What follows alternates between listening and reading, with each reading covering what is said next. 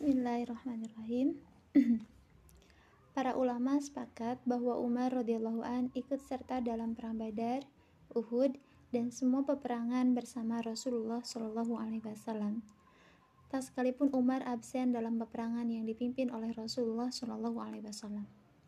Yang pertama, perang Badar. Umar radhiyallahu an turut serta dalam perang Badar. Ketika Rasulullah Shallallahu Alaihi Wasallam bermusyawarah dengan para sahabat sebelum perang, Abu Bakar radhiyallahu an berbicara pertama kali. Ia berbicara dengan baik dan menyeru untuk memerangi orang-orang kafir. Kemudian giliran Umar Al Faruq radhiyallahu an berbicara dengan baik dan juga menyeru untuk memerangi orang-orang kafir. Orang yang pertama kali mati syahid dalam perang Badar itu adalah Mahja, Maula atau budak Umar. Dalam perang Badar, Umar bin Khattab berhasil membunuh pamannya dari pihak ibu yaitu Al-Ash bin Hisham tanpa mempedulikan hubungan kekerabatan demi mempertahankan akidah. Bahkan demi mempertahankan akidah, ia merasa bangga dengan hal itu sebagai penegasan terhadap keimanannya. Setelah perang usai, ia menyarankan Rasulullah Shallallahu Alaihi Wasallam untuk menghabisi nyawa tawanan perang. Dalam peristiwa itu terkandung beberapa pelajaran dan ibrah yang luhur. Beberapa sebagaimana yang telah dipaparkan dalam buku Asyirah An-Nabawiyah Ar-Duqai wa Tahlil Ahdas ketika Abbas paman Nabi Shallallahu alaihi wasallam menjadi tawanan Umar berharap agar ia mendapat petunjuk. Umar berkata, "Wahai Abbas, masuklah Islam.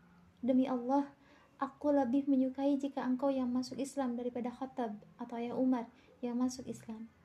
Hal itu dikarenakan aku melihat Rasulullah tertarik jika engkau masuk Islam. Di antara yang tertawan adalah orator kaum Quraisy yaitu Suhail bin Amr. Umar berkata kepadanya, Umar berkata kepada Rasulullah, "Wahai Rasulullah, biarlah aku melepaskan gigi seri Suhail bin Amr, lalu lidahnya menjulur agar ia tidak dapat berdiri di hadapanmu sebagai orator di suatu tempat selamanya." Rasulullah Shallallahu alaihi wasallam berkata, Aku tidak akan melakukan itu karena aku khawatir Allah akan perlakukan aku seperti itu meskipun aku seorang nabi. Boleh jadi suatu saat ia akan berdiri di tempat yang tidak kau cela lagi. Inilah yang benar-benar terjadi setelah Rasulullah Shallallahu Alaihi Wasallam wafat. Ketika sejumlah penduduk Mekah hendak murtad dari agama Islam, suatu hal yang membuat wali kota Mekah, Ita bin Usaid bersembunyi. Pada saat itu, Suhail bin Amr berdiri. Ia ia memuji Allah dan menyanjungnya lantas menyebutkan wafatnya Nabi. Selanjutnya ia berkata, Sesungguhnya ini semakin memperkuat Islam. Barang siapa yang meragukan kami, kami akan memenggal lehernya. Dengan ucapan ini, orang-orang menarik kembali pendapatnya. Umar memberitahu kita tentang hadis yang ia dengar dari Rasulullah Shallallahu Alaihi Wasallam ketika beliau mengajak dialog kaum musyrikin Mekah yang ikut perang Badar. Anas meriwayatkan, kami bersama Umar di suatu tempat antara Mekah dan Madinah dan kami berusaha melihat bulan. Saat itu penglihatanku amat tajam sehingga aku bisa melihatnya. Aku berkata kepada Umar, "Tidakkah kau melihatnya?" Umar menjawab, "Aku akan melihatnya sambil berbaring telentang di atas alas tidurku." Kemudian Umar menceritakan kepada kami tentang perang Badar.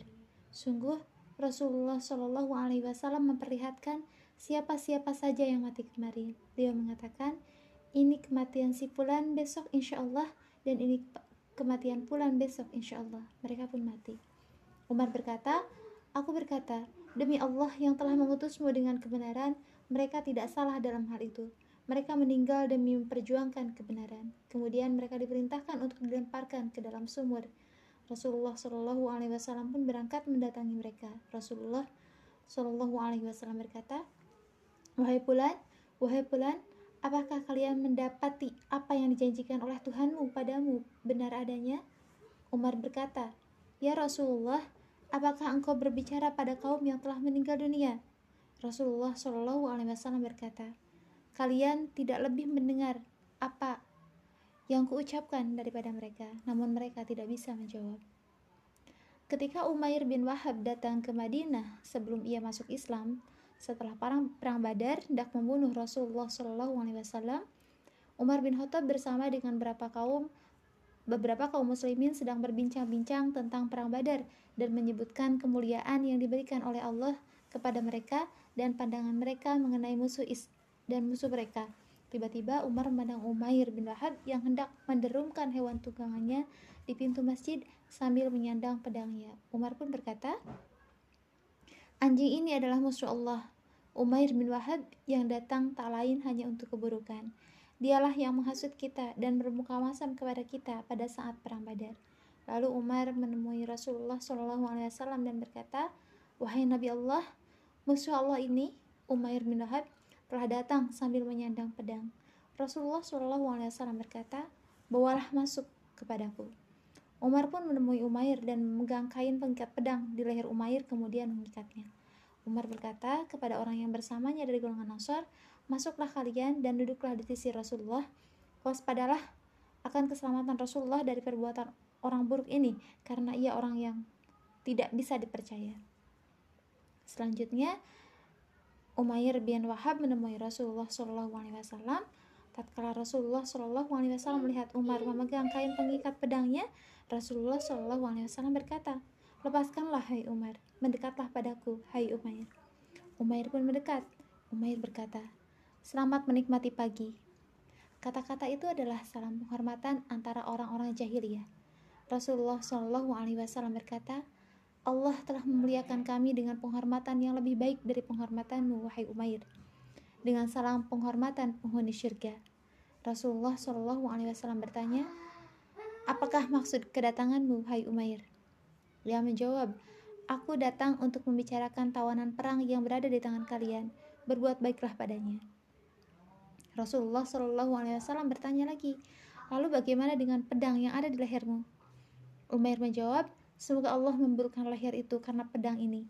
Apakah pedang itu terasa cukup bagi kami? Rasulullah Shallallahu Alaihi Wasallam berkata, jujurlah padaku, ada hal apakah yang membuatmu datang kepada kami? Umair menjawab, aku tidak datang melainkan untuk masalah tawanan perang itu. Rasulullah Wasallam berkata, tapi engkau duduk bersama Sofwan bin Umayyah di Hijr Ismail.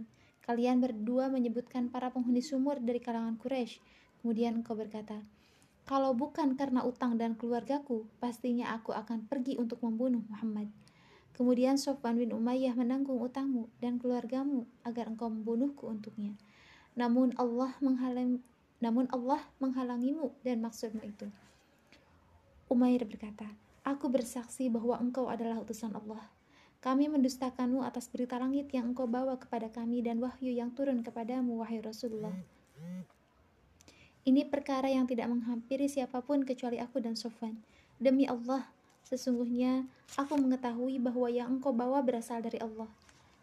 Segala puji bagi Allah yang telah menunjukkanku pada Islam dan mengarahkanku pada jalan ini. Kemudian Umayyad bersaksi dengan persaksian yang benar. Rasulullah Shallallahu Alaihi Wasallam berkata, ajarilah saudara kalian tentang agamanya, ajarilah Al-Quran dan lepaskanlah tawanan perangnya. Mereka pun melakukannya.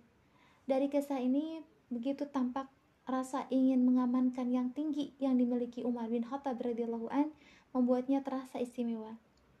Ia waspada terhadap kedatangan Umair bin Wahab dan berhati-hati terhadapnya. Umar memberitahukan bahwa Umair adalah setan yang datang, yang tak lain hanyalah untuk keburukan. Sejarah Umair begitu terkenal pada diri Umar. Sewaktu di Mekah, Umair getol sekali menyakiti kaum muslimin. Dialah yang memprovokasi agar memerangi kaum muslimin di Badar dan bekerja untuk mengumpulkan informasi mengenai jumlah kaum muslimin. Oleh karenanya Umar memerintahkan untuk melakukan beberapa hal untuk melindungi Rasulullah Shallallahu Alaihi Wasallam. Umar memegang dengan kuat tali pengikat pedang Umair. Ia menghalangi kemungkinan Umair menggunakan pedangnya untuk melukai Rasulullah Shallallahu Alaihi Wasallam dan merintahkan beberapa orang sahabatnya untuk menjaga Nabi Shallallahu Alaihi Wasallam.